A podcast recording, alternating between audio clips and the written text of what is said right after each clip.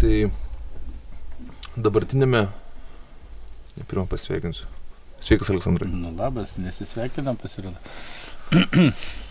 Dabartinėme pandemijos kontekste, manau, yra svarbu prisiminti dar vieną virusą, kuris yra pavojingesnis ir kurio inkubacinis periodas užtrunka šiek tiek ilgiau. Tai to viruso pavadinimas yra menas. Kaip tu juo užsikrėtėjai? Ar nesilaikėjai saviizolacijos nuo jau užsikrėtusių? Ar kaukės neužsidėjai? Pragmatiškumu.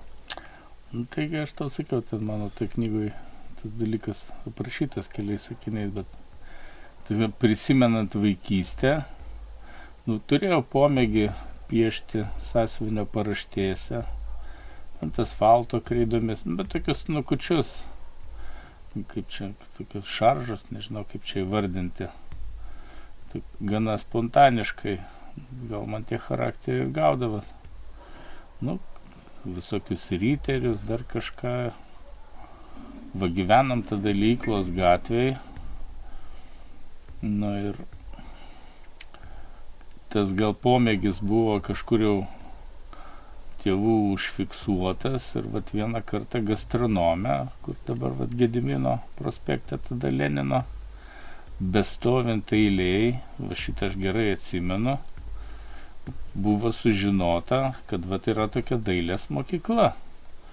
Černiachovskė tuo metinė aikštai vaikų. Dabar ten vyriausybės rūmai. Tai va, buvau nuvestas už rankos laikyti egzaminų. Nu, aš ten labai dėjau didelės ir, nu, kaip didelės viltis, vien dėl to, kad nelakstyti ten gatvėmis, stogais, nes, taip sakant, tas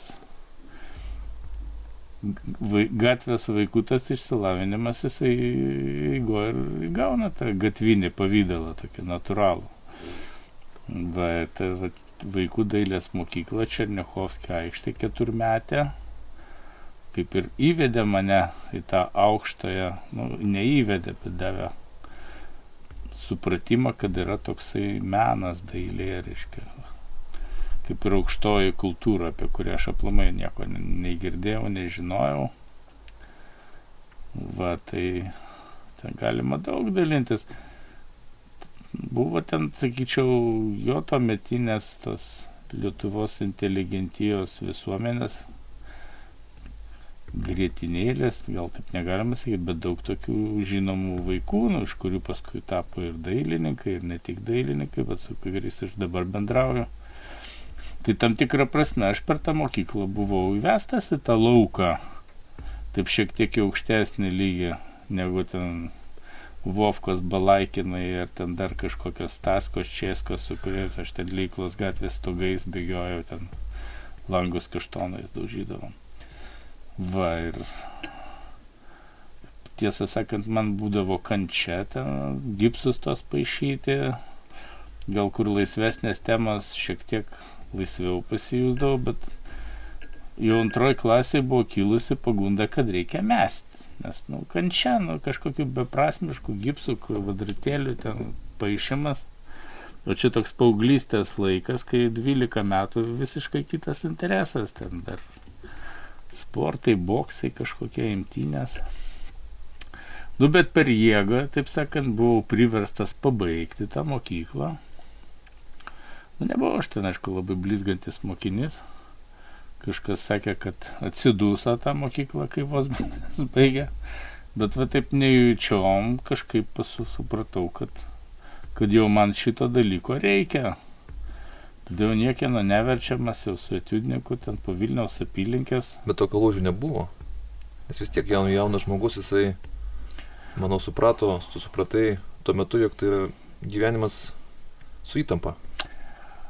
Na, vienas dalykas, sakykime, piešti nekenčiamus dalykus, o kitas dalykas paskui jau mm, turėti jau ten keletą draugų, kurie tuo pačiu dalyku serga, dalintis mintimis ir tu jau kaip įeini jau tą, jau tą, nežinau kaip čia vadinu, tą hebrytę, sociumą, kad jau tau tampa tai kaip ir tam tikra vertybė, o tu tampi tos jau vertybės dalimi, nu, dar aišku, tokias savokas, ar tai vertybė, nevertybė nenaudojai, bet pasirodo buvimas tam tikroj terpėjai, tam tikri, sakykime, užsiemimai ilgainiui, jie tave paverčia tos sistemos kaip ir dalimi nesamoningai.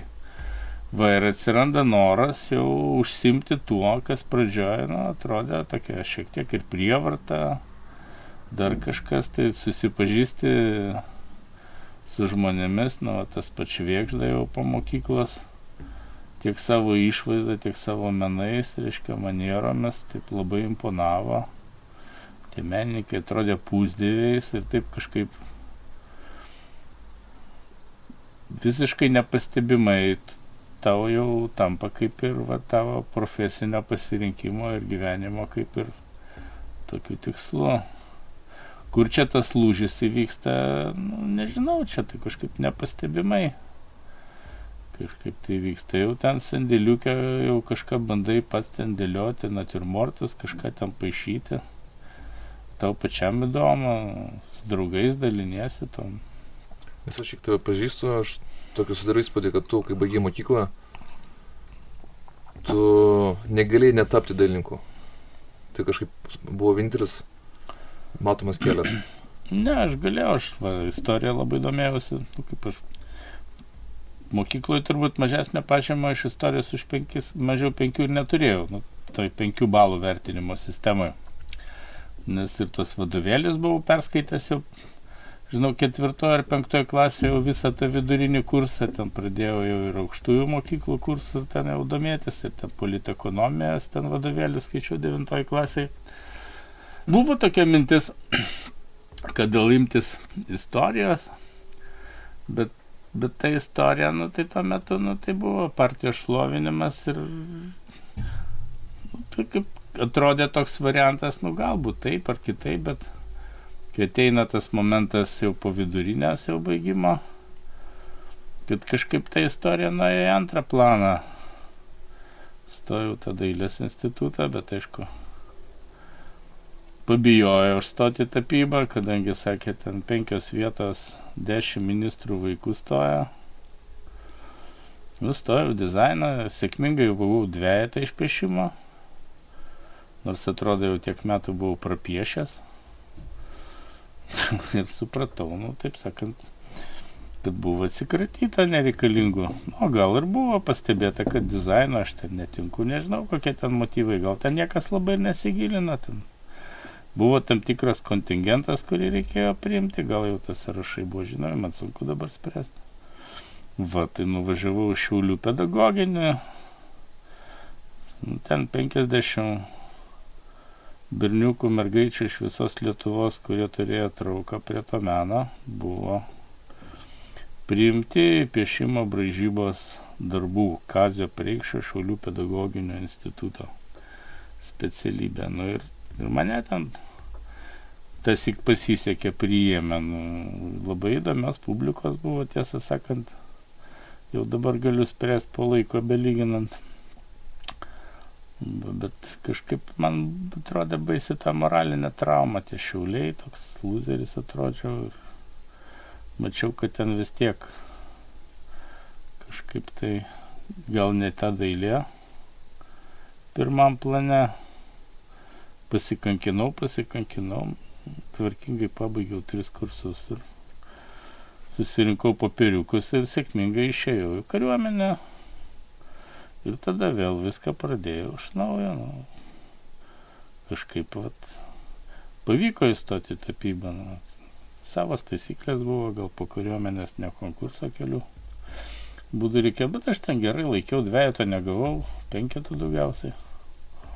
Nu ir patapau 82 metais Lietuvos TSR valstybinio dailės instituto tapybos specialybės pirmą kursą, kur ten paskui šešis metus, nu, taip sakant, daug maž sėkmingai prasimokiau ir baigiau 88 metais. Tai va tokia formalioji pusė. Aš kai stojau filosofiją, Mm, man buvo du, dvi priežastis, dėl ko stoti į tokią instituciją kaip universitetas, o ne šiaip tiesiog dirbti prie tekstų, nagrinėti, stengtis kažką suprasti. Tai viena iš tų priežasčių yra dėstytojai, antra priežastis yra kursiokai. Ar gali šiek tiek paeksplikuoti, ka, ka, kas buvo vada dėstytojai, kokia tai buvo ūkdymo sistema ir apskritai, ar dailininkui tai toks pakankamai intuityv, ne, galbūt tai yra klišė, bet yra intuityvi profesija. Ar egzistuoja dailės pedagogika? Dailės pedagogika egzistuoja net ir kaip tokia specialybė ir aš dailės edukologija dabar vadinasi, jau, tai aš ten šiek tiek teko dėstyti, bet čia jau gerokai vėliau. O tuo metu, kai aš stojau, aišku, man buvo tikslas tapti menininku, profesionalų tapytoju ir man nebuvo labai svarbu, kas ten labai dėstė, aš nelabai ir domėjausi. Tai, nu, kažkiek ten buvo tų žinomų pavardžių, bet iš esmės tai pirmais metais mes savo tapyto, tapybos dėstytojų ir nematėm. Toks labai sėkmingas pasirinkimas buvo, tokie autodidaktai buvom piešimą dėstė. Tiesą sakant, irgi nelabai atsimenu, kad Reimeris berat. Jo, nu, nebuvo labai ryškios žvaigždės. Antrais metais tapybą dėstė Leonardas Tuleikis. Nu, labai toks kietas žemaitis buvo ir fainas. Sakykime, nu, buvo toks kietas discipli, disciplinininkas, jeigu pavėluoja į pamoką jau stovi iki pertraukos už durų, bet Bet šiaip jis buvo labai objektyvus, kadangi vis tiek ten buvo tam tikros konjunktūros, tai jis kažkaip nesitaikė. Nu, jis mane gerai vertino. Man jis irgi patiko. Nesivėlė jis ten jokios, žinai, tas intrigas, bet jis ilgai kažkaip ten neišbuvo. Metus gal tai mums te, te pradės tai ir išėjo.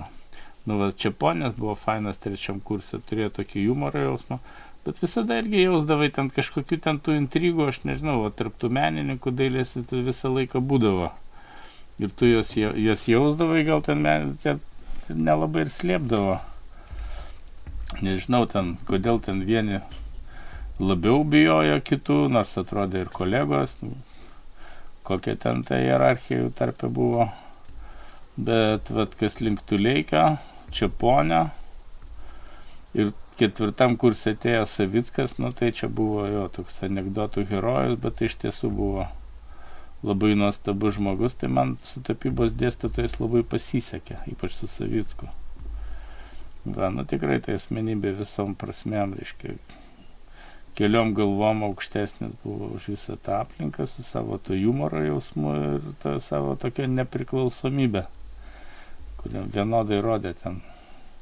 Kodėl vieni žmonės galėjo save taip vest, o kiti tapdavo... Ai, galvoju, gal čia ir dovana, antra vertus, vis tiek tėvas, jogi ten ir diplomatas, ir ta jo biografija, nu, nu, kai žmogus yra aristokratas iš prigimties, sakykime, ir kraujo, nu, tai jis yra aristokratas, nu, jeigu ateina žmonės ten iš plebėjų, ten konfliktai, intrigos, nežinau, kiek ten to meno, tai ten, žinai, svarbu gauti kokį docentą, nežinau, kažkaip Sunku pasakyti, bet aš manau, kad tai yra prigimtiniai dalykai. Jo ir dėstytoja tik. Kaip sistema tokius žmonės žiūrėdavo? Man sunku spręsti ten paskui visokių, kas ten vykdavo. Aš tiesą sakant, gal mano laimė, kad aš labai ir nesidomėdavau. Kai labai nenekišinosios, ta prasme, nu kaip nesidomi, tai gal tave ir praneša. Nu tiesa, kad ten studentas labai gali ten domėtis ir ką įtakoti, bet čia jau dabar gali pamastyti po to, nu, ten, po to įvyko kažkokios ten reorganizacijos jau po nepriklausomybės, atėjo nauji žmonės, bet kiek žinau, ten ta tapybos katedra buvo totaliai pavalyta. Mažai ten kas liko iš tų ankstesnių dėstytojų. Bet tai čia jau po manęs. Tai va, bet ta prasme, nu, Vat akademinės kultūros, žinai, etikos, Vansavickas pavyzdys, tai išliks visam gyvenimui. Tai iš bet kurią progą, taip sakant, jį prisimenu, nu kažkas tai tokio, manau, kad tai yra gyvenimo sėkmė. Ne dėl to, kad ten kažką tiesą sakant jo, ten jis ten kažką ypatingai labai mokėdavo kalbėti, bet jo, jis pasakydavo reikiamų metų reikiamą žodį Ir toks jausmas, kad tu, taip sakant, užeini už kampo ir pamatai naują perspektyvą, bet tam irgi reikia pačiam pribręsti kažkaip. Aš pakankamai savarankiškai daug ko domėjausi praktiškai ir daug tapiau, paaišiau ir ten skaičiau. Tai tas, tas paprastas žodis įsigaudavo kitas iki prasme, jeigu tu jam esi pribrendęs. Nu, taip, tai, tai yra toks procesas, aš manau. Jeigu tu tam procese vis tiek yra kažkoks kitimas, virtimas, nežinau, tai galima vadinti tobulėjimo, jeigu aplamai tokia savoka. Gali būti, bet. O santykis su kursiokais? Buvo toks? O kaip pasakius, tai buvo atsitiktinai kaip ir susirinkę žmonės, skiriasi ir amžiai, trys buvo vyresnės jau, kaip sakoma, vyresni, kaip skaitant mane, kiti buvo jaunesni. Na, jie tokie gana formalūs buvo, baigėsi mokslai, mes ten išsiskyrėm. Iš mano kurso, nu, Viktoras Binkis gal daugiau reiškiasi tapybai. Ir dabar ten akademijoje tik tai profesorius. O kitų žmonių aš nelabai ir matau kažkaip tai. Tas, kaip sakoma, baigimas tam tikros specialybės, tai dar nereiškia, kad tu būsi ryškus tai specialybei. Nu. Aišku, įgauni tam tikrą edukaciją, kažkokią vietą gyvenime surandi. Dėl ko aš tą klausimą iškėliau, nes dabar yra toks tokia laiko dvasia, kad iš esmės e, dažnai sakoma yra ypatingai kino, kino režisūrų studijose, kad iš, mokytis kurėjo amato yra laiko gaišimas. Tai savo patirtim patvirtini tai ar ne? Kitaip sakant, tiesiog eik, eik ir daryk.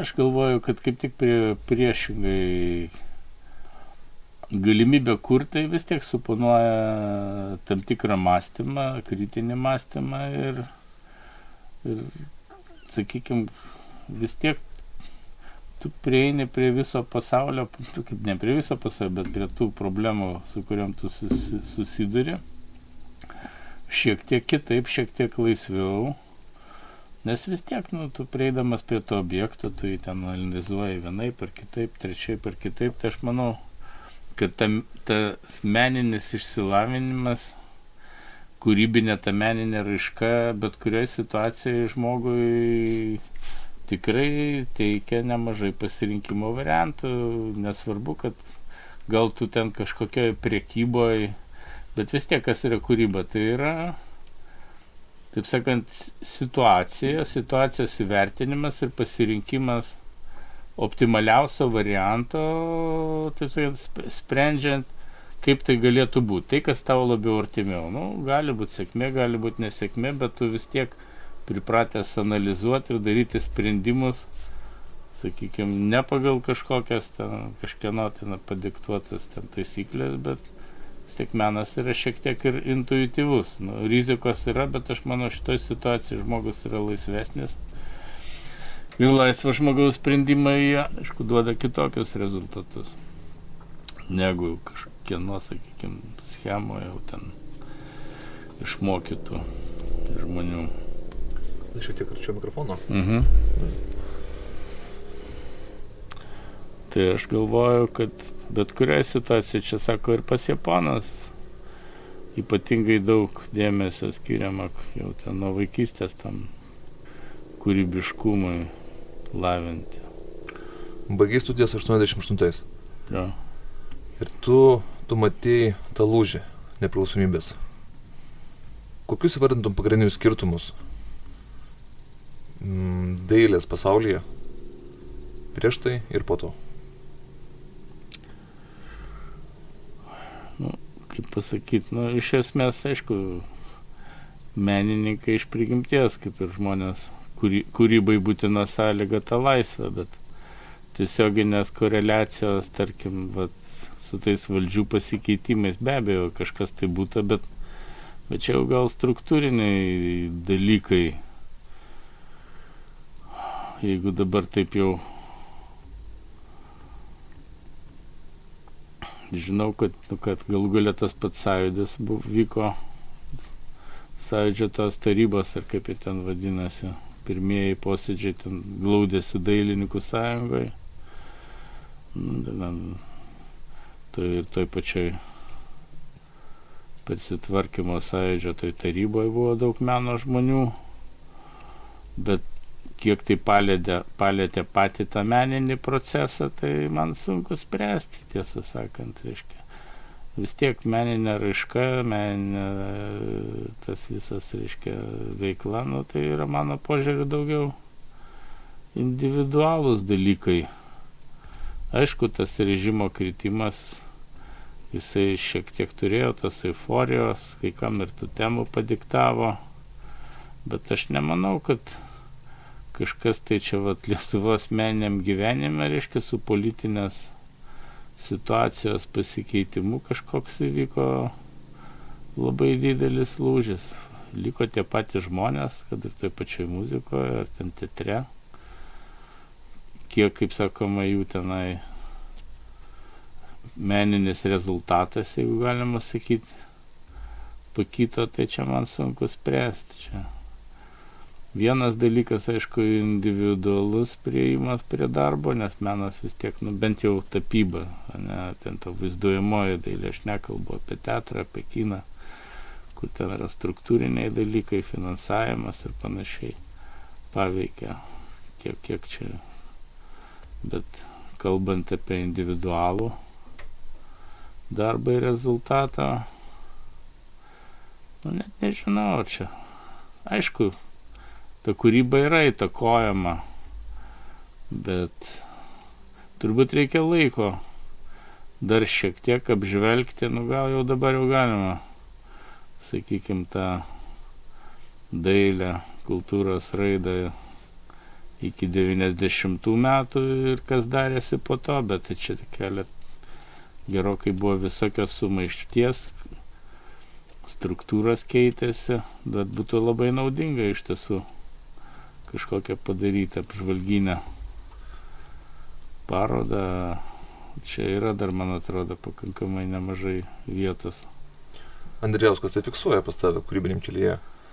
Tai tokį pasikeitimą temų, bet, bet kas man įdomu, kas man įdomu, žmogus, žmogui, kuris neįsivaizdavo, iš esmės tas naivus įsitikinimas yra toks, kad, kad e, visi kažką darė su savicenzūra tas toks dabartinis naratyvas yra, kad menininkus ypatingai va, cenzuruodavo, kažkokios temos nebuvo galima liesti, bet aš dabar girdžiu, kad buvo viskas subtiliau kažkaip.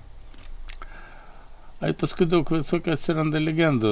Matai, vienas dalykas, kada žmogus kūrė, sakykime, yra ten paroda, priims, nepriims, nupirks, nepri, nenupirks ir jeigu, kaip sakoma, tas mechanizmas dirba jau dušiai, vat, tu va čia taip įsivaizduoji, na, taip sakant, taikaisi prie tos tikros ar tariamos konjunktūros, tai gal ten tas savicenzūros mechanizmas, nu, kaip ir galėtų veikti, bet šiaip taip pats, kaip sakoma, kūrybos momentas, tu esi pri, privalai būti absoliučiai laisvas ir mažiausiai sukti galvą, kas ką pagalvos, ar patiks ar nepatiks ir taip sakant, ar ten nupirks ar nenupirks, tu gausi tų užsakymą ar ne, negausi. Tai čia kiekvienam žmogui, nu, neįlysi, tu ten dušė, visai ten žmonės masto, bet čia šito situacijoje aš negalėčiau nieko pakomentuoti, aš tai galiu pasakyti apie save, nu, visą laiką darai tai, kas tau pačiam įdomu, žinai, nu, iš tiesų, tuo metu toks pakilimas buvo, žinai, kaip ir tu, kaip čia pasakyti, gali kaip ir viešai judinti tas temas, apie kurias anksčiau ten viešai ir nekalbėdavo, nors visi, vidu, taip sakant, uždaruose ratuose ten ar šeimoje tuos trimimus prisimindavo ir ten pokarį, ir žudynės ir panašiai čia nebuvo jokia paslaptis.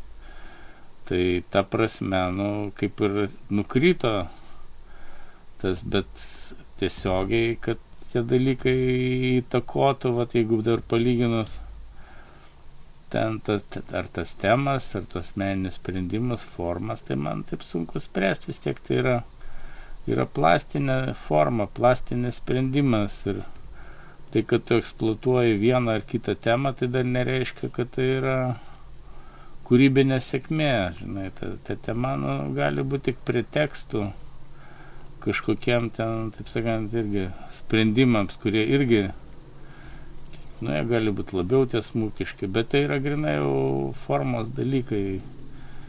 Tai va tie dalykai tokie, nu, aišku, yra tų tokių nemažai kūrinių, bet aš juos vadinčiau tokiais, kaip čia pasakyti, nu, koks šitas terminas yra žurnalistikoje. Na, jie tokie reportažiniai, turbūt galėtum taip įvardinti, nes vis tiek kiekvieną temą tu turi įsijausti, apdirbti, turi susigulėti ir tik tada iš to kyla kitas visiškai rezultatas, negu ten kažkoks tai fiksavimas įvykusio fakto, bet tai kiekvienas meno kūrinys jis yra daugia sluoksnis, daugia prasmes ir tai nėra tik tai tos temos fiksavimas ir tas, manau, kad yra dar tos savaiminės meninės vertybės, kurios aišku priklauso nuo to turinio, nuo užduoto to emocinio ten temos, bet, bet rezultatas tai visiškai neapsprendžiamas tuo, kiek tu ten socialiai ar ten emociškai ten pergyvenai tą ar kitą, žinai, faktą. Tai jeigu dabar vat išėjus po tiek laiko ir pasižiūrėtų, kiek ten iš tiesų, kaip sakoma, po to laiko buvo tų darbų, nu tikrai būtų labai įdomu, bet niekas tuo labai neužsiema, nes dabar jau, jau eilė metų, kai iš vis tu neturi galimybių matyti tos pilnos panoramos dailės, kas vyksta iš tiesų. Nes tokios apžvalginės metinės parodas, kurios vykdavo kasmet, nu, kažkaip jau ta tradicija buvo pasakyta, kad čia sovietmečio, žinai, palikimas, gal mums to nereikia. Nu, nu kai nieko nereikia, nu, gal ne nieko, tai labai tas visas, kaip sakoma, ta panorama tokia labai fragmentuojasi. Ne pagal tai, kas vyksta iš tiesų, o pagal tai, kaip ten sukūruojamas tam tikras tam projektas ir, ir kaip ten pasidėlioja pagal tam tikrus matymus. Va, kol kas aš objektyvaus, sakykime, tos vaizduojamosios dailės panoramos, kas vyksta Lietuvoje, nu man, taip sakant, būtų įdomu pažiūrėti, bet aš vat nedrįstu pasakyti, kad aš galėčiau, taip sakant, drąsiai tai, kad aš iš tiesų žinau, kad aš, kas vyksta, reiškia, iš tiesų, kadangi pilno vaizdo nėra, yra tik tai atskiri fragmentai. Jie dar nesusidėlioja į ištisą tokį paveikslą, bent jau man. Tada vis užkabinančių laikybę, bet aš dar noriu grįžti prie to, ką mes kalbėjom, kad pajus biški tas sąmonė sovietmečio. Tai pavyzdžiui, tu būdamas studentas galėjai nutapyti smetoną? Tu supranti, kas yra, vat, buvo tuo metu, aišku, tos SMD parodas, bet e, jeigu duodavo studentui, tai duodavo studentui labai konkrečias temas. Tai vat aš irgi minėjau, kad temas buvo, nu jo, jis jau buvo pakankamai ideologizuotas, tai viena tema buvo darbo, o kadangi tuo metu čia vyko Tomkevičiaus, Varinsko bylos, tai buvo vadinama ateistinė, antireliginė. Nu ir tas, kiek aš atsimenu temas, kaitaliojosi. Taip sakant, tai darbo, tai ateizmo arba atvirkščiai. Bet kai aš dariau, pavyzdžiui, savo diplominį darbą, nu vis tiek aš šią temą jau rinkausi 86 metais, aš pasirinkau grinai istorinę temą, tą Salaspilio mūšį, apie kurį tiesą sakant niekas labai nežinojo. Ten su švedais, bet man tikrai niekas jo netrukdė daryti. Ir ten visą tą, kaip sakoma, atributiką. Gal gali trumpai paeksplikuoti istorinį kontekstą, kas ten vyko? Nu, kontekstas tai 1605 metais, jeigu neklystu, LDK kariuomenė Lietuvos didžiosios kunigaikštystės Etmano Hotkevičius prie Rygos Salaspilio sumušė švedų karaliaus, neatsimenu, kurintą ten to karalio, keliariopai didesnę armiją. Nu ir tai buvo, tiesą sakant, paskutinis toks jau ryškus laimėjimas LDK. Nu, Hotkevičius buvo išskirtinė figūra, jis paskui ir Maskvą ėmė, Karolis. Bet kažkaip pas mus tas povanininis laikotarpis yra ir sąmonėje mažai atspindėtas, ir, ir dailiai. Nu, čia yra masė dalykų, apie kurį ten galima kalbėti, kodėl, kas ir kaip. Šis istorikai identifikuoja šitą pergalę labiau su Lenkais. Nenupirko čia Lenkai, tai buvo LDK kariuomenė, ten aišku buvo ir samdytos kariuomenės, bet tai buvo pagrindė LDK, nu, buvo dar ten Liuflendijos kažkokie pulkai, kokie istorikai, istorikai istorikams nelygų, bet kažkodėl Lenkai pastatė paminklą būtent toj vietoj Salaspilį, čia netoli Rygos. O lietuviai, aišku, kaip visada žiopso, o, o, o ko čia dėti Lenkai, tai aš nelabai suprantu. Čia buvo LDK grinai kariuomenė. Ten aš nežinau, ar buvo iš viso reguliarios Lenkijos tų dalinių tuo metu. Nu, bet čia yra kita tema. Nu tai nieks ten nelabai ir gilinasi, ten, niekam ten nelabai, nu, bet neturėjau jokių aš ten problemų, du metus dirbau prie to diplominio darbo ir niekas ten manęs nei nacionalizmo apkaltino, nes, nu, kai tu sutvarkai darbą, nu, kaip aš kaip įsivaizduoju, raštingai, gramatinai, tai kalba eina apie tapybos darbą, o ne apie kažkokios tai ten istorinės temos interpretavimą tam tikram atspalviu. Nu, jeigu taip, sakai, link smetonos, nu, kažkas, vat, atsimenu anegdotą, kad ten kaž, kažką ar norėjo išmesti, ar gavo dvietą, kad atva, atvaizdavo traukinį ir užrašas buvo Vilnius karaliaučius.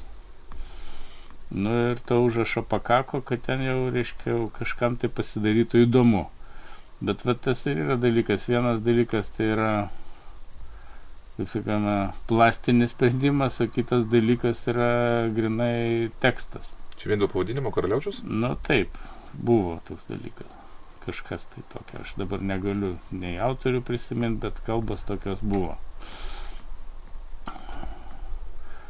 Dėl ko man šitą temą įdomi yra, nes tiesiog aš taip dabar puikiai įsivaizduoju temų, už kurios bus socialiai linčiuojami žmonės. Na, daug kas buvo ir pavadinimuose, aš pamenu irgi tose studentų ten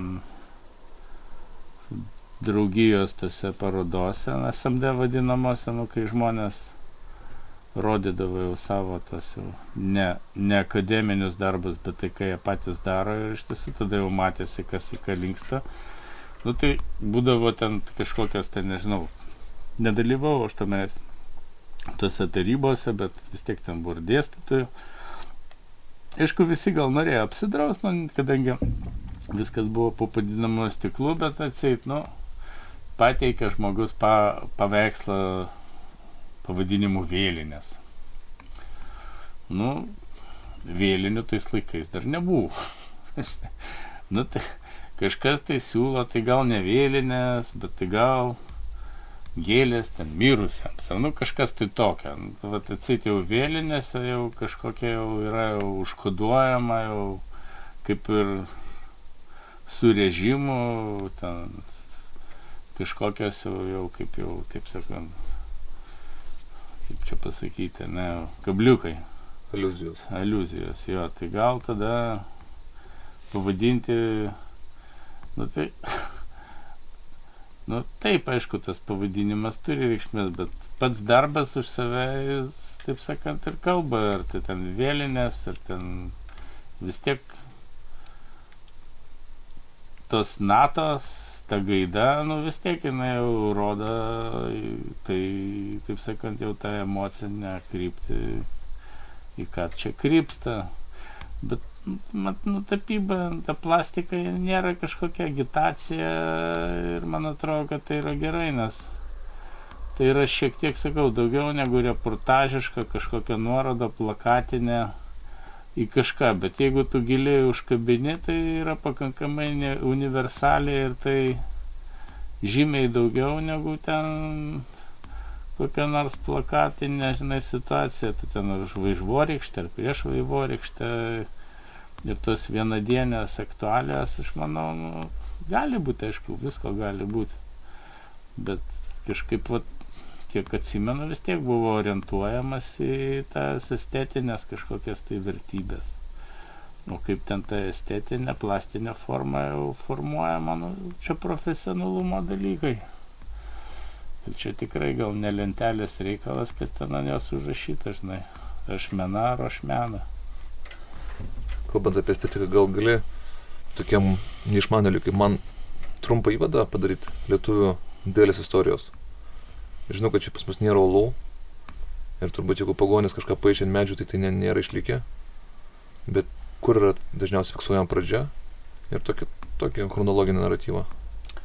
O mes čia galim 3 valandas kalbėti, čia gal ne man, nes mano specializacija yra, nu, pirmas dalykas labai nekukliai čia neišmanėlių prisistatėjau, žinai, visiškai šimtaprocentinės.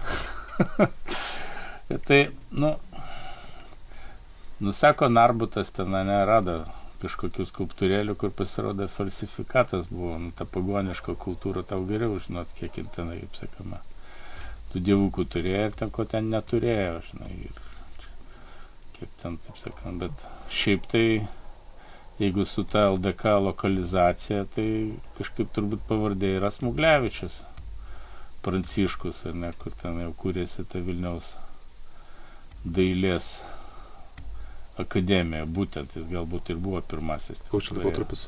Nu, čia buvo būtent 18 pabaiga prieš pat padalymus, o jis jau matyt buvo pakankamai žinoma figūra, kai jis ten dekoravo ir tas Povilo pirmojo, paskui jau po padalinimo šitos, kaip jis ten vadinasi, rūmus ten jau tas inžinierny zna, e, zamak dabar vadinasi, ten kur įvyko perversmas ir kur nužudė tą Pavlą pirmąjį.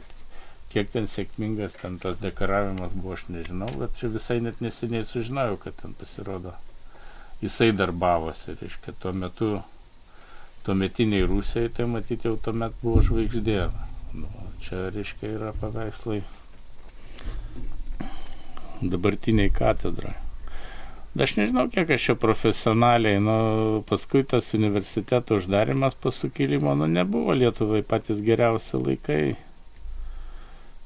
Ten tie visi Rusijos, žinai, kadangi buvo politika visa ta, sakykime, represinė ir, ir gana brutali.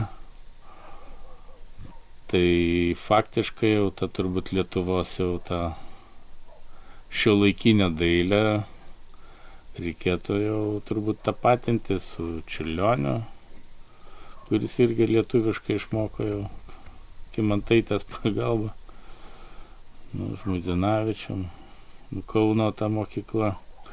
O beje dabar irgi toks įdomus, va tas būtent tas, va yra ta paroda nelaukinės sielos, mhm. kur būtent tą laikotarpį kaip ir atspindi, bet ten simbolizmas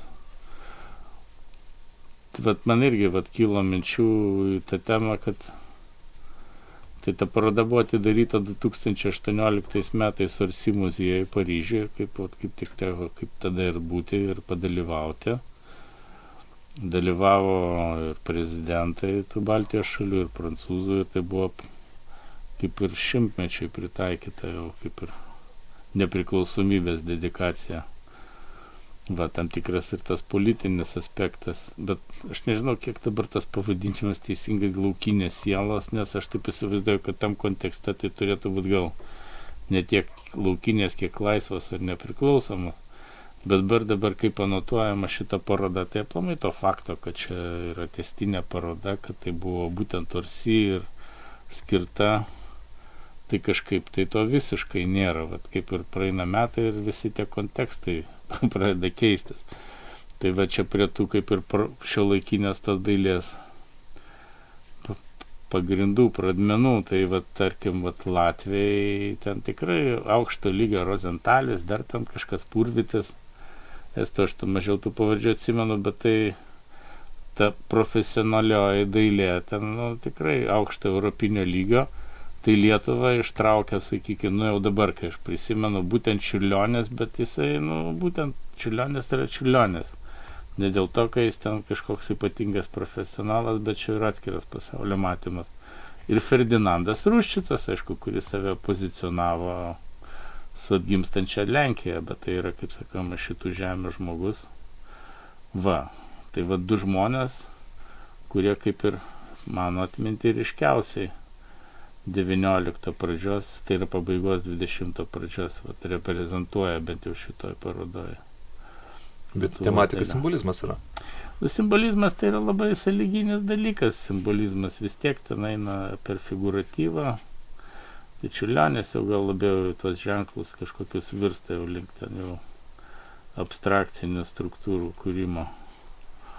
Čia aš labai neužsikabinčiau prie tų sąlyginių pavadinimų, nes Taip, taip. Nu, tie raktiniai žodžiai, aišku, galioja, bet Šiaip, kurio ne, ne, ne, neįmanoma redukuoti į kažkokį tai. mm. nu, reikia pamatyti ir panalizuoti. Nu jo, nu taip, kad tas pats, kaip sakoma, kitą kartą būtinis sužetas, ten laidotuvių kažkokia ten ar pakasino tema, jinai gali būti traktuojamas kaip tam tikras simbolizmas, bet ką tu ten į tą žodį įdėsi, čia gana plati savoka. Nu taip užvadino kažkas, o šiaip tos parodos kuratorius, kaip suprantu, prancūzas, kiek atsimenu, per savo asmeninius kontaktus su Latvijais, reiškia. Tai čia reikia dėkoti Latvijams, reiškia, jų tam dailės muziejui ir buvo prasukta va, visa šita idėja, taip jau tokia tarptautinį ryškiausią lygmenį, jau tokia Baltijos šalių pristatymą. Nu, ačiū Dievui. Ir, ir man teko pasižiūrėti, pamatyti ir dar per radiją ten kažką pakalbėti. Kaip estai atrodo ten? Ten visi labai normaliai atrodo, reiškia, tai irgi ten turėjo pakankamai tos kultūrinės anatomijos ir autonomijos. Jo, turėjo ir ten tartum tuo metu ir universitetą ir tikrai tų profesionalių europinių menininkų turėjo, aš dabar tų pavadžių neatsimenu, bet turėjo, kaip ir Latvijai. Net kai kurie lietuviai, nu, va Čiurlionės visa sėkmė, jeigu Čiurlionė nebūtų, tai Lietuvos ta ekspozicija būtų labai blanki. Bet nu, čia yra, kaip sakoma, irgi. Nu, mano subjektyvus vertinimas, bet vienas dalykas turėti aukštąją mokyklą dailės ir, taip sakant, galimybę vystyti tą kultūrinį gyvenimą, kitas dalykas, kai uždrausta spauda, reiškia, ir bet koks ten, ne tik spauda, tai kalba, bet ir bet koks kitoks visuominis. Tai be abejo, tas rezultatas jaučiasi. Iš kai suprantu, lietuvių dailė turėjo artimus santykius su Paryžiu. Nu tai čia vėliau išeksponuoti dalykai, čia kelių grinai pavardžių reikalas, reiškia Kauno meno mokykla jau skirdavo stipendijas atskiriems žmonėms. Taip sakant, kiek ten pagal gabumus, pagal, pagal nu, sakykime, pagal gebėjimus, tai buvo žmonės išsiusti į Paryžių, Tarpu kariu. Jo, jo, būtent. Nu, tai buvo padėti pagrindai, tai, sakykime, lietuvių tai vadinamai koloristiniai mokyklai, Gudaitis. Nu, dar buvo ten keletą pavardžių, Macke, Macke, Macke, Mackevičius, dabar visų neatsimenu. Nu, o paskui dar toks faktorius, kaip ir tie vadinamieji Litvakai ir ne žydai, kurie ten įkūrė savo meno koloniją, tai Kol de, Pa- de Paris, ne, reiškia, Sutinas, dar tenai, reiškia. Tai aš norėjau klausti, kur, kur iš tam visam judėjime pas, Bet galim pastatyti. Aš nežinau, kiek tenai, kaip sakoma, tie dalykai turėjo tiesioginės įtakos tuometiniai tai dailės mūsų, kaip čia, net ne mokyklai, stilistikai. Manau, kad čia gal gudaičia tam tikras toks tironiškas, ar ne, nu, čia tokia patipistinė buvo situacija, nu, 70 metais jau pradėjo vystytis. Bet čia daugiau gal gudaičio, kaip sakoma, asmeninis tas kūrybinis braižas, kur ten primetė daugeliu menininkų. Nu, aš nežinau, žodis primetė čia. Va, kiek ten ten tie litvakai turėjo įtakos. Jiegi ten visi buvo paslėpti, užslaptinti, nelabai ir žinomi buvo, žinai. Nu, ten, nežinau, Lenkai Kaip galbūt, užslėpti. nu, skaityk tai buvo emigrantai, ar ne? Caro laikais pabė- pabėgę ar išvykę, kaip sakoma, iš tos carinės Rusijos, kur, sakykime, žydai irgi buvo, turėjo tam tikrus apribojimus. Nežinau, čia galima daug plėstis, bet, nu, mano manimu, sakykime, vis tiek ta vat, oficiali sovietinė dailės ta koncepcija, nu, buvo tikrai pakankamai gal ideologizuota. Ir tai, kas, sakykime, netilpo į jos ten tos postulatus, tai buvogi ir apeinama, tas pačiulionis jis irgi ten buvo, kaip čia, santykinai reabilituotas, jau turbūt jau gerokai 60 metų ten antroji pusė, ten išėjo keli albumai, Venslovas ten buvo, liktrai pratarmės, o žmonės, nu, kurie, sakykime, Šagalas ten, Sutinas, nu, vis tiek jie buvo modernistai.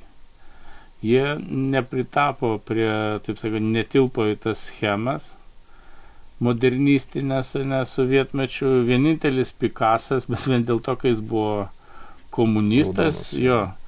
O, o jeigu nebūtų šito jo partiškumo, tai klausimas dar jis ten būtų labai populiarinamas.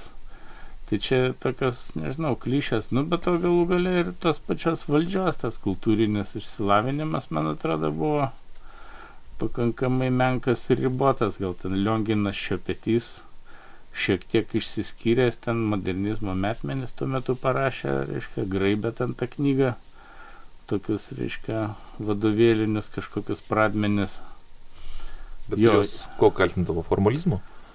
Aš net nežinau, ten buvo kaltinimai, man tas yra, kad vat, žmonės, nu, man sunku pasakyti, čia reikėtų su dėstytojais, jau tai tuo metiniais, kurie galbūt ir mirė kalbėti. Nu, tai pagrindinis dalykas vis tiek, jeigu dailininkas, tai buvo ideologinio fronto darbuotojas. Iš kitos pusės, nu, buvo ta kažkokia vidinė, ten ne tai, kad rezistencija, nu, tas rusų naturalizmas, žinai, peredvižnikais paremtas, nu, jis toks ganėtinai nikus atrodė ir tikrai nemodernus. Va, bet atvirai tu niekam ten mes nieko negalėjai, nu, tai ten tas irgi socrealizmo, reiškia, formuluotė socialistinė savo turinį, nacionalinė savo formą, nu, bandydavo ten dangstytis, va, grafikoje, sakykime, va, būtent tą lietuvių liaudės tą grafika, raižyba, ten Kuzminskis net buvo akademikų patapęs. Va, bet man nežinau, pagal kokias ten konjunktūras tenai tos akademikus dalindavo.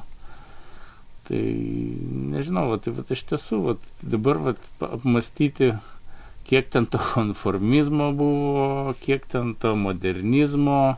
Nu, buvo išimtas iš tiesų 20-30 metų laikotarpis iš gabių žmonių gyvenimų, kažkas pabėgo, reiškia, į užsienį, Ameriką, dar kažkas, ten tas pats, ten tas pavardės, ten neminėsim, kažkas liko Lietuvoje, nu, ten kiek ten engė, kiek neengė, nežinau, nu, matyt vis tiek reikėjo taikytis, nu, kartu ir dėstė, nu, būtų labai jau didelis rezistentas, tai nebūtų dėstęs akademijai, būtų Sibirė supūvęs, žinai tas laikotarpis jis toks, nu, pasižiūrėjęs, nu, savotiškas, nu, teisingai, nu, pastatai tu tą žmogų ir paaišai, ir tapai, nu, yra ta plastika ten kažkuo tai paremdama tie profesiniai dalykai, bet jeigu žiūrėt pagal, sakykime, tos tapybos žanrus, žinai, meno, tai pavyzdžiui, nu, surrealizmo kažkaip Lietuvoje nebuvo.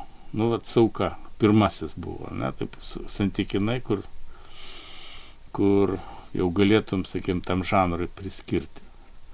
Van, tai vis tiek yra tam tikri raidos etapai ir kai tu juos išėmė, ten nežinau, kokiu būdu, kokios čia prievartos, tai be abejo yra įvyksta ta natūralios dailės deformacija. Tai vad, kiek jinai ten savaiminė buvo, kiek jinai deformuota, aišku, buvo deformacija, bet paskui kaž, kažkaip, kažkaip ten Čia tas laikotarpis 70 metais gal toks buvo proveržis. Čia jau reikėtų gal daugiau su menotyrininkas kalbėti. Grįžtant prie Sutino, ko mes tavo pakarėjo? Ai, man pirmas įspūdis, tada atsimenu vis tiek, visą tą informaciją gaudavai labai dozuotą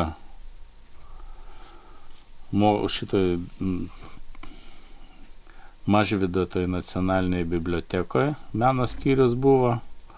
Buvo ten keli žurnalai, labai griežta laimė Gabrielė Lukošiūnenė vedėja. Tos, tai reiškia, skyriaus ten vis tiek. Nu ir ten gaudavai kažką tai pasižiūrėti, tų albumų, kurių ten tikrai nematydavai. Ir vat vienas iki kažkaip žiūriu. O, dar žodis Lietuva prie sutino prirašyta. Toks ekspresyvus, žinai, kažkur ta žalia tokia, nu, matai, kad kažkas pažįstama, kažkas savo, bet labai kito tokia, sunkiai apibrėžiama, bet, nu, vis tiek pakeri. Nu ir dar Lietuonija, žinai.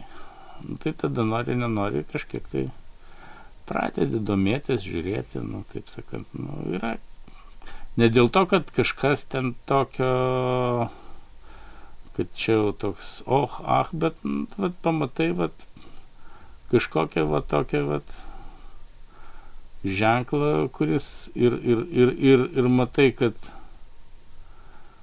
ir kitoks, ir nepažįstamas, ir kodėl ne kitoks, ir dar plus Lietuva, ir plus dar savo tą ekspresiją, jisai, nu jo, nu vis tiek ten ir Gudaitis, ir Samuolis, kažkas yra to bendro, va tokio, taip, nu, intuityviai tos dalykus pajauti. Va, o vis tiek, nu, taip jau labai kaip ir nebuvo, taip afišuojamas, žinai. Bet šiaip turbūt istorinis naratyvas, kuris teiktų, kad, kad e, dvelkė sutino tapyba laisvę, būtų šiek tiek naivokas. Tiesiog įvyksta kažkas sąmonė, kažkoks sulipimas, kažkokie gal kažkokie vat, pri, prigimties momentai atsikartoja. Iš to labiau gal. Man tai iš vis nepatinka tas toks paprastai, labai paprastas toks supaprastinimas, net ir etikečių klyjavimas. Nu, kiekvienas žmogaus kūryba yra būtent to žmogaus kūryba. Gali ten vieną etiketę priklijuoti kitą, bet lygiai taip pat tas, reiškia, ženklus gali ir kitiems. Taip sakant, priskirti ir, ir nebus didelės nuodėmės, bet vis tiek vienas su kitu nesupainėsi. Tai čia kiekvienas turi tą savo individualų kelią, individualų matymą, nesvarbu kokias ten tos įtakos, vis tiek kiekvienas menininkas, jis tas mokyklas praeina ir įtakas ir daugelio menininkų jaučiasi tas, tas ir čia visai normalu ir nereikia čia to bijoti. Bet kada tiesiog vat ima ir priklyjuoja, ar ne, kažkokią va, tokią birkutę, va, o čia tas ir tas ir tai čia kiekvienas žmogus yra atskiras kosmosas, atskiras pasaulis ir ten vien keliais žodžiais, nu, tai jo neapibūdinsi, bet gal tai yra patogu padėti ant tam tikros lentynos, reiškia, ir pažymėti, žinai, kaip barkodą kažkokį, bet iš tiesų tai nėra taip.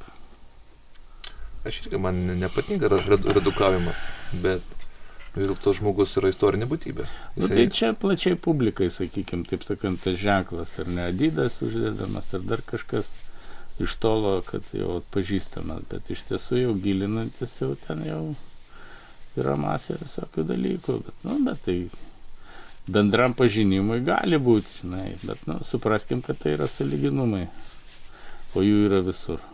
Bet kaip tu atremtum, minėjai Lenino argumentą, kad iš esmės modernioje valstybėje kūryba, dailė jinai yra institucinis dalykas ir jinai, ir, kadangi finansuojama valstybės, jinai legitim, legitimuoja tuometinę valdžią esančią. Aš jaučiu iš tavęs, kad didelį labai, va, tu labai tą patį kuriejų būtina sąlyga laisvė ir aš to pritariu. Bet koks būtų argumentas prieš Lenino tezę? Bet ten gal kitai buvo pasakyta, čia reikia tiksliai pasireikšti, čia kur jūs sakė apie tą partinę literatūrą ir panašiai. Nu tai vat, yra visas išganimas, kad iš tiesų, sakykime, nu kaip išganimas, aš suprantu, kad dailė, menas, kultūra tai yra valstybės, tautos, nacijos identitetas. Ir tai yra vertybė, kad reiškia tai yra identitetas ir kad tu, taip sakant, pamatai ir pasakai, čia yra, nu, aišku, grinų pavydalų nevaikšto. O kada menas paverčiamas jau tam tikros, reiškia, institucijos ar ten ideologijos šlovinimu, nu, tai yra jau dedamas kryžius. Nu, gali būti gabų žmonės, ar ne, jie ten gali tai padaryti labai talentingai, bet jie tai galbūt žymiai geriau padarytų, jeigu, taip sakant, jie neturėtų jokių įsipareigojimų ir jų niekas ten nelauštų. Faktiškai Jo, menas turi būti laisvas, nesvarbu. Finansavimas tai irgi, jeigu taip žiūrėti, taip struktūrinį požiūrį, tai yra mūsų visų surinkti pinigai, o ne kažkokio gero dėdės ar ne, ar ten geros partijos numesti tam, kad jį ten ar tą dėdę ar, ar tą partiją pašlovintų. Tai šitoj situacijai natūrali išraiška, raiška, žinai, deklaruojamos kažkokios tai idėjos, nu, jos gal ne visiems gali būti tinkamas ar patinkančios, bet jeigu tai yra talentas, su laiku tai yra, taip sakant, paveldas, reprezentacija. Aš tą, tą Stalino tezė jinai iki šiol yra. Aš iki šiol yra aktuali. Čia, jeigu įmančiau laikinį kontekstą. Sakant, konstruktivizmas teigia, kad bet koks žinojimas yra galios produktas. Žinojimas produkuoja galę ir vice versa. E, ir aš žinau, kad tu neigiamai žiūri į šio laikinio meno socialinės kritikos rolę. Tačiau mano klausimas tada yra, kas, kas įgalina objektivumą mene, tikti, kad tai yra geras arba blogas, konkrečiai dailės kontekste. Nes viduramžiais man būtum atsakęs Dievas. Moder, modernios epochos pradžioje tu būtum atsakęs grožis. Bet šitos abidvi savokas nebeturi jokio krūvio. Tai galbūt, kad tai, kad socialinė kritika užsiema, tai gal nėra blogai. Čia dabar daug, viena, kaip sakant, daug pusių dabar reikia išanalizuoti. Nu, pirmas dalykas, aš mastau taip, kad pirmiausiai menas, nu, ne menas, bet jo, ne, taip sakant, paverskim galbūt, kaip sakoma, ne tiek į tą sisteminį, bet kiek ir žmogaus, sakai, menininko kūrinčio situaciją, ne? Nu, tai žmogus kūrė tai, ką jaučia, tai, ką galvoja. Tai, ir tai vis tiek jo prigimtis yra emocionali. Turbūt jisai tapydamas, nu, gal ten kaldamas skulptūrą, bet aš jau geriau kalbėsiu pirmuo asmeniu. Kaip tapytojas, jisai gal nemasta socialiniam kategorijam, bet jam ateina kažkokia tai, reiškia, tema, ar ten kažkas jam darosi įdomu ir jis ją gvildena. Bet žmogus yra socialinė būtybė. Taip, tai kitas dalykas, kaip sakoma, būdamas socialinė būtybė, jis ir kaip sakiau, tam sociumui, vat, būdamas aš tam pačiam sociume ir darau taip, kaip man ten atrodo tam sociume. Reiškia, sakykim, gal arabas išauklėtas kitam sociume, gal jis ten nuogų kūnų nevaizduotų.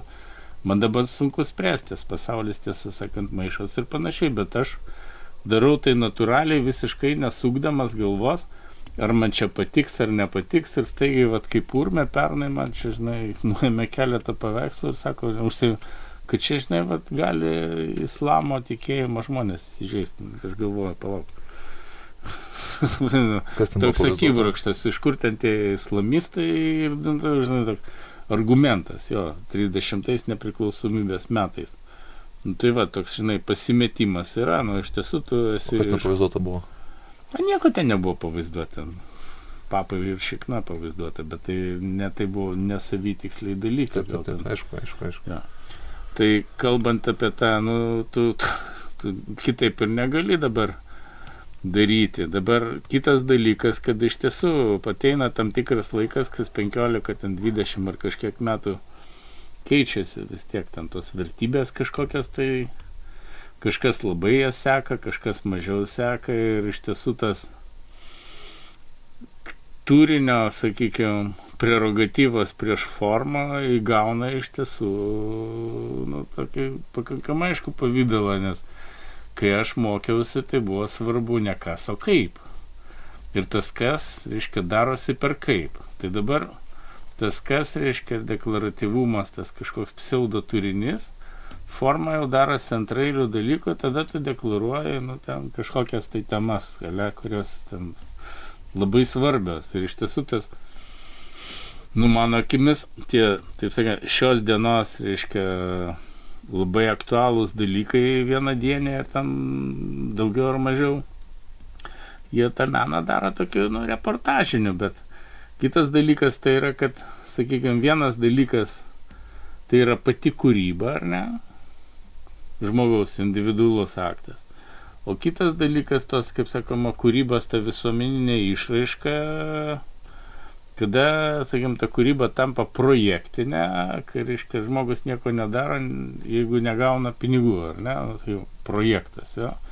Projektas finansuojama tam tikrą temą, aktuali visuomeniai. Ir tas, kaip sakoma, meninis gyvenimas, jis jau iš esmės tampa ne individualios raiškos, bet kažkokiu tai projektinių, taip sakant, dalykų realizavimas.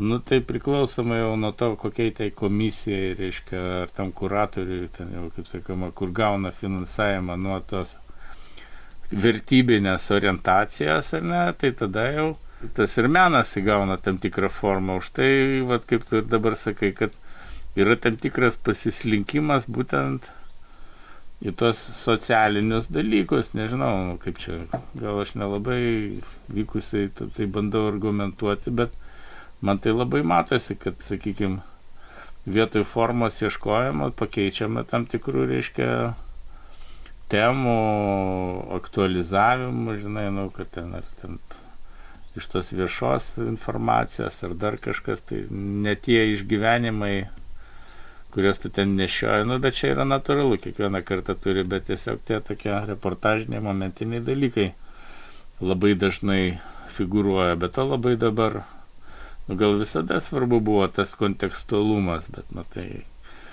jeigu kažkas labai panašaus vyksta Berlyne ir tuo pačiu metu ten, reiškia, ten ir tavo darbuose tai labai panašu, žinai, vos ne kaip veidrodėlis, o dar jau daraisi labai kaip ir kontekstualus ir šio laikiškas, bet, nu, yra vienas dalykas kūryba, o kitas dalykas ten tos kūrybos, sakykime, propagavimas, atvaizdavimas, finansavimas. Nu, tai šiek tiek, vat, yra skirtingi reikalai. Vienas dalykas public relation, kitas dalykas ką daro vienas ar kitas žmogus, bet tai kaip ir visais laikais. Yra vieni labiau konjunktūriniai, kiti gal labiau pasinešę į save, žinai, tie žmonės, kurie pasinešę į save, gal jie yra mažiau matomi.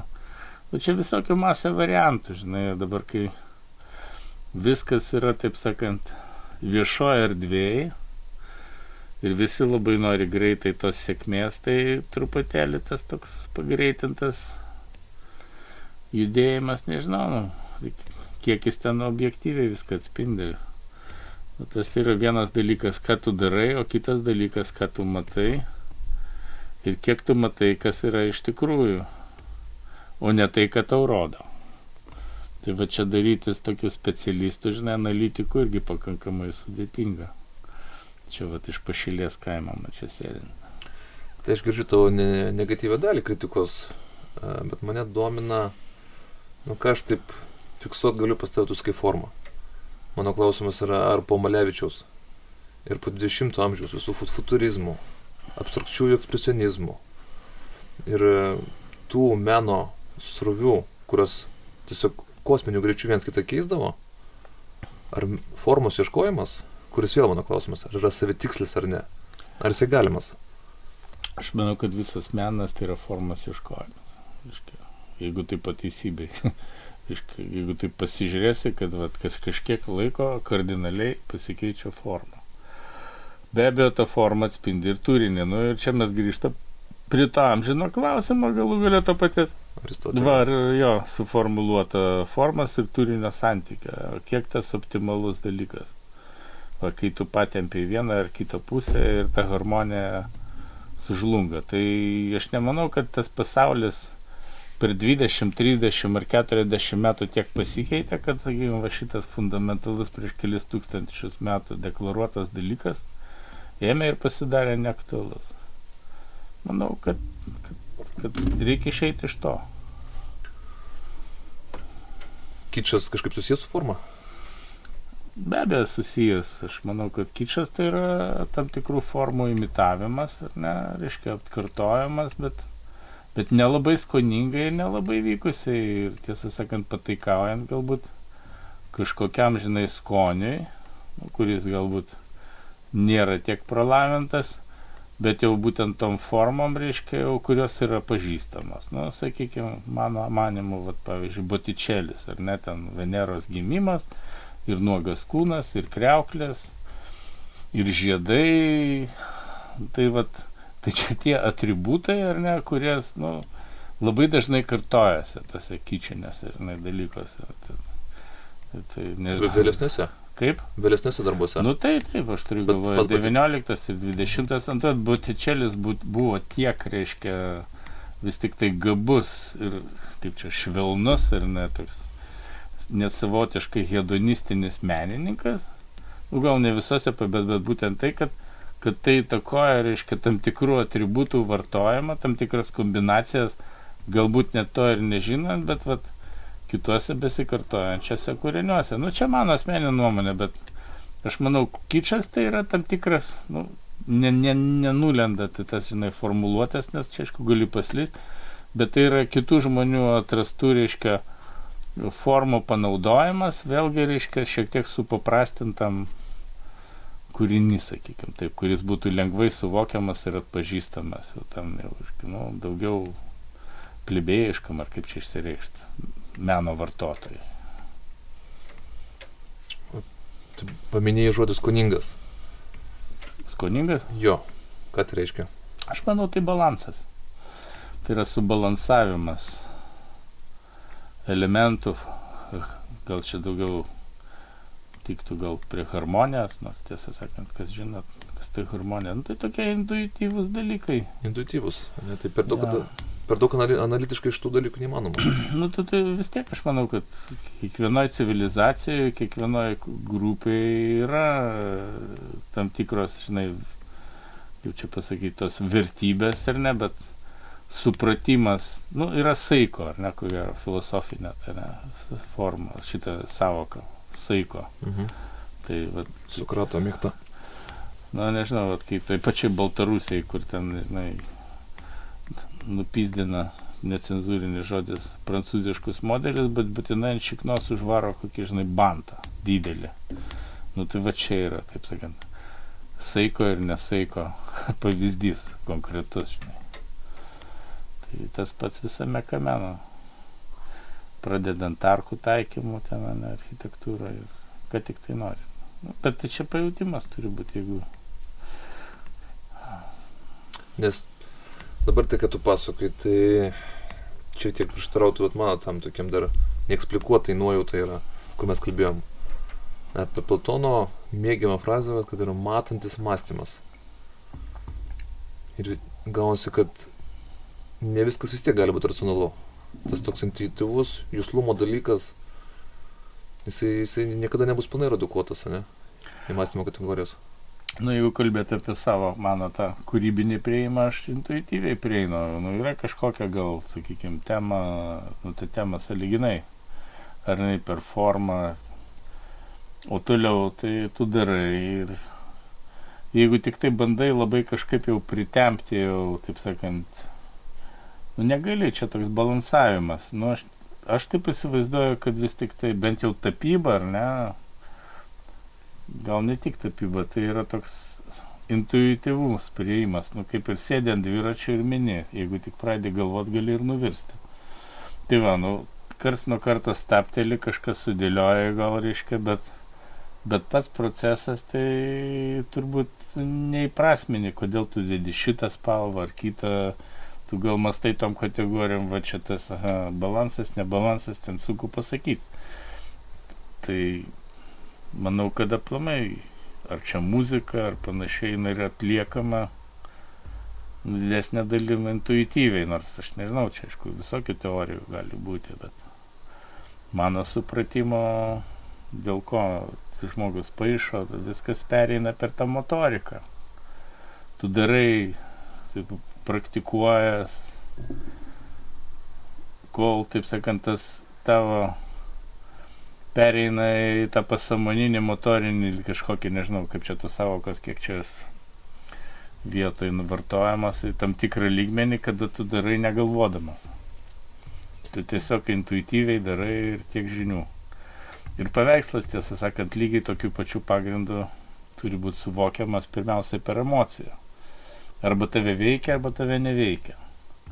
O jeigu tu ten pradedi gilintis kaip į kažkokį tai tekstą, tai jau čia yra jau kitas priimas. Čia jau antrinis ir tretinis ir tas dalykas, aišku, tas informatyvumas. Bet pirmoji eilė tave kabina emocija. Reiškia, nes, nu, kaip ir muzika, galų gal yra garsai ir dar kažkai sužadina kažkokias tai reakcijas. Ir Man tik... kažkaip atrodo, muzika žymiai agresyvesnė yra. Visokiausias yra kitas muzikas vis tiek, jeigu taip, tu operuoji formam, formam, būtent formam. Ir tik paskui iš tų dalykų pasidaro turinys. Jo.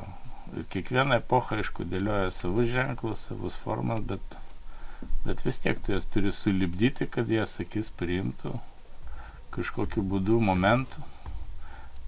Nu, čia va, tie suvokimo dalykai gal jie yra, nu, yra turbūt žmonės, kur prie to dirba, bet...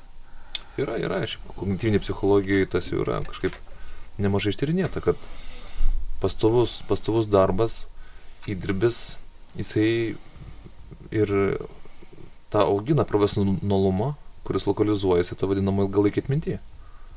Ir tai paneigia įkvėpimo mitą.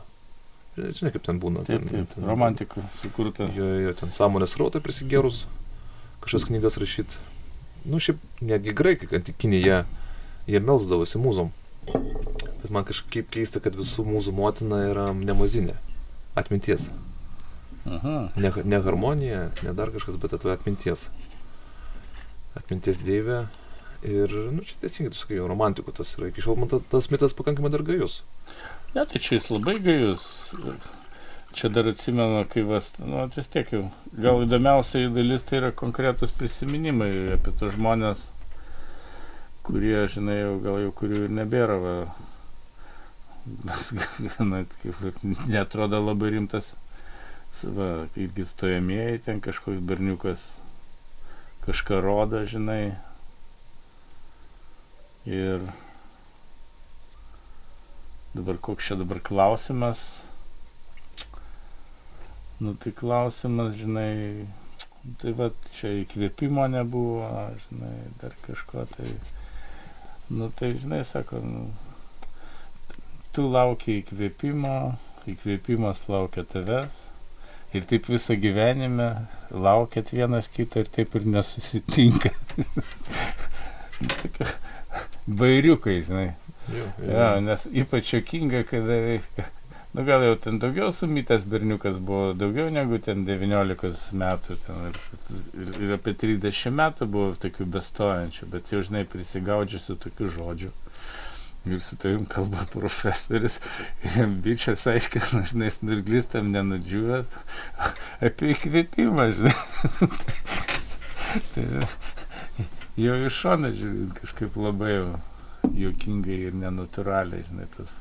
Tai vat, vat iš tiesų tas, vat, vat šitas pavyzdys, kur papasakau, vat, vat, tas scena man po šiai dienai, kai tik tai apie įkvėpimą kažkas pradeda kalbėti, aš vat, prisimenu, va, žinai, tas replikas, tai, žinai, nu, nu, nuvainikuoja, žinai, tą mitologiją įkvėpimą šiek tiek.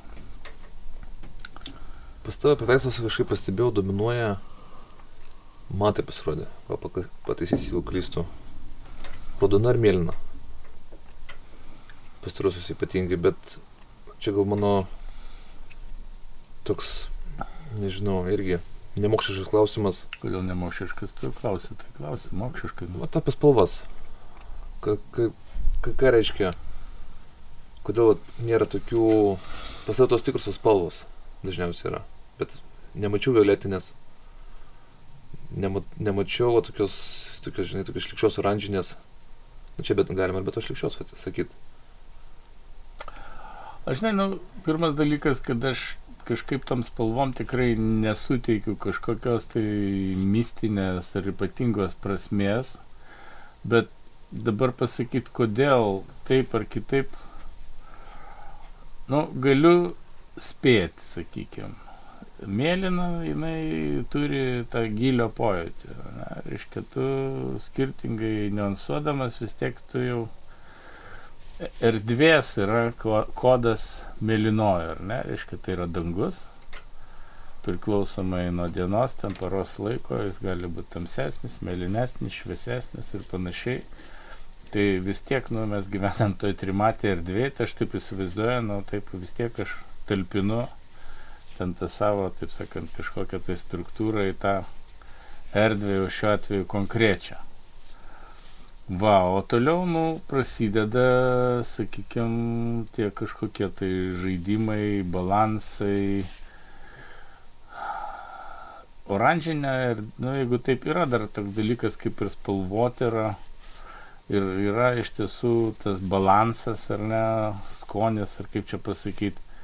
Tai mokė mus tos spalvotyros, tokia Fledžinskė neprotinga moteris pirmam kurse Ir po šį dieną, aišku, priklausomai nuo intensyvumo, pamenu, kad mokėmės apie tam tikrus spa, spalvinio išbalansavimo principus. Tai sakykime, tam tikros geltona yra 3-4 kartus intensyvesnė už mėlyną, ne? Tai vad norint formaliai, kaip sakoma, išlaikyti balansą tarp geltono ir mėlyno, tai reikėtų 3 ar 4 kartus tos geltonos mažiau. Mhm. Nu čia taip grubiai. Va ir vėlgi kas labiau skamba, ar ne? Ar geltonas taškas mėlynam fone, ar geltonam fone mėlynas taškas, ar ne? Nu, va čia tokie žaidimai, žinai, prasideda. Va, būtent kaip va, kalbėjom apie formą, ar ne? Tai va, čia to forma, žaidimas forma niekada nėra neišbaigiamas, kaip 30 turim raidžių ir mes, reiškia, konstruojam sakinius, eilėraščius, ar ne, žodžius, prasmes. Tai tas pats ir su tom spalvom, žinai, su tom linijom ir su tom dėmėm. Tai nieko čia tas Kandinskis, reiškia, ar Malievičius ten nutapęs tą kvadratą, nu, jis parodė, kaip sakoma, tam tikras ribas, bet tikrai neišsėmė jokių būdų formos galimybės, žinai, nu, tam paspekuliuoti tą temą, tai čia gali spekuliuoti, bet tu darai ir darai, ir tam mažiausiai įdomu, kas ten ką tau gali paaiškinti. Tai va, tai ta prasme, nu, yra tų visokių kolorų, gal, gal paskutiniu metu į tą labiau liksti, bet kažkokiu čia tų desningumų. Nežinau, ar čia tie desningumai. Nu, raudona, jinai tokia agresyvi be abejo spalva. Kartais kaip antitezė, kai nusibosta ten su tais mėlynais, gali ir tą dėti. Bet tai čia viskas vėlgi priklausomai nuo, nuo kaip čia, nu, sumanimas yra toks dalykas turbūt vis tiek. Kiek jis ten konkretus, kiek jis ten intuityvus. Gali būti tokia grinai vizija kažkokia spalvinė, ne, nieko labai kaip ir nereiškinti, bet kai ją sutvarkai ir prasmes atsiranda. Nežinau, ar atsakiau aš tau tą klausimą. tu atsakyti taip, kad, kad e, vėl grįžtam prie to intuityvumo. Sakykime, aš kaip e, mėgstu, mėgstu viską aiškinti tam tikras klauzalumo terminais, tai mėlyna spalva, jinai žmogui, jinai yra pati pamatinė spalva, dėl labai keistų, keistų, bet kartu ir paprastų faktų, kad mūsų, mūsų akis, mūsų regos sistema daugiau negu pusę laiko ją tik tai ir matė. Tuomet, kai mūsų protėviai gyvena vandenyje. Nu, tu čia užkabinai, gali būti, aš nežinau, čia kolektyvinės pasąmonės ir kokie dalykai, aš tai visiškai apie tai negalvoju, bet iš tiesų, jeigu taip, nu, nėra vien tik tokia ar kitokia, yragi ten visko, žinai, nu, gal, taip sakant, fone yra kažkokie kitokie dalykai. Vis, kiekvienas variantas yra individualus. Taip, atskiras. Tokie aiškinimai jie visą laiką, nu, jie jie naivus ir aš galvoju. Nes tarp, tarp regos sistemos ir meno kūrinio, aš manau, yra didžiulis kokybinis skirtumas. Ne, jeigu to ne, nėra, tai reiškia, mes ateisim iki tam tikrą laiką, kada kompiuteris, algoritmų pagalba, žinodamas visus smegenų, ten tas vidinės peripetijas ir mechanizmus, sukurs tobulą ir paskutinį paveikslą. Tai aš nemanau, kad tai įmanoma yra. Na, žodis tobulas ar ne, neaišku, kas tai yra vienas dalykas. Antras dalykas, jeigu būtų tobulo moteris, ar ne, tai turbūt visi, kaip sakoma, vestų vieno, vieno kriterijaus tobulą moterį, bet pasirodo skirtingose geografinėse platumose, skirtingose istorinėse dalykuose keičiasi ta tobulumo ar grožio ar ne nu, kriterijus. Tai čia galima paminėti, ne po pirmo pasaulinio karo ten šiek tiek pasikeitė, ne, įvaizdis ten moteriškės, ten nesigilinant, ne, gal ten berniukas buvo panašios dėl kažkokių tai priežasčių, ar ne, tos madas. Tai aš manau, kad čia vieningas kažkoks etalonas jis negali būti, nes, nu nežinau, čia kaip sakoma, apokaliptinių nuo, nuotaikų vis tiek įvairovė yra nu, kažkoks tai, kiek ten ta įvairovė yra savaime vertybė, bet, bet nuobodu būtų, jeigu viskas, taip sakant, susivestų iki išbaigto tobulumo modelio. Tai neįmanoma, nes niekas nestovi vietoj. Aš jį galvoju, kad būtų nuobodu. Kin, kinė tas momentas yra jau. Jau yra ten ta formulė Hollywoodo atkalta, labai visi aiškiai žino ją, naratyvinė, žinai. Nu, Egiptas, sakykime, yra, nežinau, kiek ten jau ten, aš labai neįsigilinęs, aktyvoju, bet ta civilizacija truko tikrai ten keletą tūkstantmečių, ar ne, tai palyginus su tai, mūsų dinamišku gyvenimu, nu gal ten irgi buvo savo dinamikos, kas ten įlisika, bet, nu, bet va ta civilizacija kažkaip, nu, išsibaigė. O nežinau, kiek ten ta mūsų graikiškoji su inkliuzais visokiais, reiškia, kiek čia dar gyvuos. Štrausas mėgsta, nu, toks politinis filosofas, Atienų ir Jeruzalės santoka. Yra vakarų civilizacijos tėvai. A, nu yra jo, čia ir tikėjimas, ir ne, kaip sakant, žydų ir krikščionybės.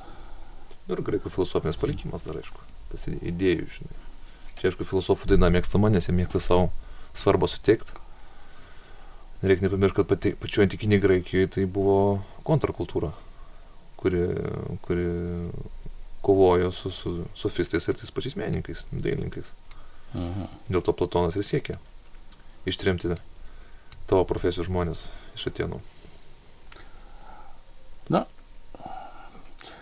yra sąsajos ar net tokiu atveju su Hitleriu ir Stalinu, kur, taip sakant, jau žinojo, kaip tobulos visuomenės turi būti tobulas menas ir tobula architektūra, ir ne, čia visiškai netaip seniai, nu. Tai čia iš Platono tokias eina ištakos, bet kažkaip tai ačiū Dievai neužsifiksavo ilgam. Koks yra pirmas žingsnis siekiant ūkdyti tą šeštą jūslę, apie kurią tu dabar pastovi kalbė, apie tą dailės intuiciją? Ai nežinau, matai, čia būtų labai racionalus bandymas pagrysti neracionalius dalykus. Nu, tai reikia, nu kaip, žaidži futbolą, spardai ir spardai, nu, tai su tuo ir atsiranda tam tikri įgūdžiai. Tai lygiai taip pat, nu, tu skaitai literatūrą, tu kuo daugiau skaitai, kuo daugiau žinai, tuo daugiau, taip sakant, turtingesnės darai, daraisi. Tai čia kaip ir muzikos pajūtime, ar ne, nuo kažkokių ten primityvių, ten ritminių dalykų iki sudėtingesnių struktūrų. Tai, tai visame kame pradedant ir maisto, ar ne, gurmaniškumo visokiais dalykais. Vienas dalykas kažkokią alkį patenkinti, o kitas dalykas jau atsiranda ten jau dirginimas, ar ne, tam tikrus skonio receptorių, tai aš manau, kad čia yra bendri dalykai. Ir mene tas pats suvokime meno. Aleksandrai, ačiū tau už tavo laiką. O tai davai kalbam dar. Nežinau, kiek aš kažkaip neužkabinau iki galo. Matai, va tas vėlgi, kiek va, vėl tas individualus meno reiškia dalykas, procesas ir paskui tas, kaip sakoma, visuomeniai pateikiamas tas rezultatas, žinai, va, būtent su tom visais finansavimo ir ten mafijiniais, reiškia, elementais čia vat, iki galo, nu iki galo ir neišgvildensi, bet yra vienas aspektas, aišku, grinai kūryba, o kitas dalykas tas public relation ir kas jau šiek tiek, taip sakant, tas bendras paveikslas dažnai skiriasi nuo to, ką žmogus iš tiesų daro. Aš galvoju, tai simptomatiškai yra. Matai, vat, jaučiasi labai ištavęs tas meno autonomijos siekis, kurie ir laisvės santykis. O vat mano klausimai, vat aš kaip pats kažkaip viską racionaliai bandau aiškinti, toks žmogus esu, tai tas racionalumas, jisai, jisai labai kartais atitolėja nuo laisvės. Ir jeigu mes dabar turėtume tą formulę, tą šitos atsakymus. Bet dabar šitą dalyką dar, nu, kaip galima užkabinti, suprantate, čia kaip ir, nu, vektorių atstojamojo. Jeigu tu bandai, reiškia, viską sudėlioti, tai pas tave gaunasi aplamai judėjimas nutrūksta, reiškia. Tai už tai, kaip tas dalykas jis yra, yra savaiminis tas procesas. Kiekvienas žmogus yra skirtingas ir kiekvienas kūrė ir iš to, kaip sakoma, darosi panoramą. Jeigu tu bandai jau ten kažkam jau ten bandyti tą procesą reguliuoti, o tai dažnai būna, nes atsiranda vieni ne iš blogos valios, bet galvoja, kad jie protingesni ir žino, kaip turi būti, tai reiškia, atsiranda dar toks progreso, žinai, savoka, kur matomai, mene tokio dalyko negali būti, jokio čia progreso, žinai, bet čia, nu, labai madingi visi dabar Tai čia revoliucionieriai. Čia irgi tos pasmitas modernizmo. Tai, tai va tas, tas toks, jo, žmogui reikia iš tiesų išgyventi, kurti ir tikrai tai yra socialinis dalykas ta kūryba, ne tik individualiai išraiška, nors tai gimsta kaip individualiai išraiška. Ir kaip ta, taip sakant, individualią išraišką taip įforminti ir taip socializuoti, tai čia yra visą laiką, nu, tokia biški konfliktinė situacija, tai yra menininko egzistencijos klausimas. Nu, būna sočių menininkų, būna alkanų, žinai, visokių būna, visi nori gyventi ir atsiranda, kaip sakoma, va čia ta visa kolizija, žinai, kaip išgyventi, jo, kaip čia prisitaikyti Nu ir čia vat, visą laiką, žinai, ir kūrėsi tos legendos, kaip ten kažkas ausį nusipjovė, žinai, ne, taip toliau ir taip toliau. Ir penas atsiranda, taip sakant, jo, Hollywoodą ar dar kažkam tai parodyti jau tą jau meną, jau tokį, žinai, kaip šiek tiek, kaip čia net nežinau kaip ką, nu, kaip tam tikras sensacinius momentus ir panašiai. Visko čia yra, nu, kaip ir kiekvieno žmogaus gyvenime. Jo, bet čia irgi tam vyksta tam tikra prasme meno mitologizacija, žinai. Bet tai, tai ir turi būti, žinai, tiesą sakant, šiek tiek paslapties. Ir nebūtinai čia, kaip sakoma, visa ta anatomija visiems turi būti aiški, nes, tiesą sakant, niekas jos ir nežino. Tokia, tokia vokiečių mąstytoja Hanna Arendt yra, kalbėdama politiniam kontekste, politinės filosofijos, jinai yra teigusi, kad pamatinė žmogaus darybė yra drąsa. Tai vad, ką tu pasakoji, šitą savyjėgą, šitas atsisakymas būtų redukuotami kažkokios formulės, tas toks pastovus visuomės antitezės, aš galėčiau tą patį galbūt pritaikyti men, menininko kontekste. Tai kad menininkas negali būti nedrasus. Jis toks turėtų būti. Tai čia, kaip sakiau, nu aš taip galvoju, bet yra visokių, pažiūrėk, kurių turgelį žmonės, nu aš žinau, ar ten menininkai, žinai, čia tiesiai formuluoti, bet formaliai, jeigu žmogus daro ten kažkokį paveikslą, jis yra menininkas. Ir ne, nu. Tai vad, vėl klausimas, taip sakant, kur čia, kaip sakama, tas, ta riba tarp meno ir nemeno. Nu, kur, nu visą laiką, taip sakant, sunku nustatyti ribinės situacijas. Gal tos ribinės situacijos irgi yra įdomios, žinai, kaip ir tas pats kyšas yra irgi jo.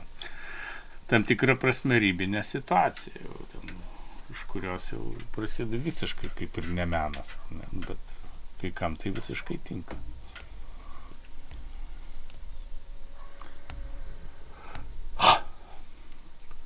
Ką siūlau pavalgyti? Tai gerai, dėkui tau, nežinau, koks esu, toks esu, ar ne, reiškia, nieko labiau protingesnio. To, to pilnai užtenka. Ačiū tau labai. Tai tau dėkui.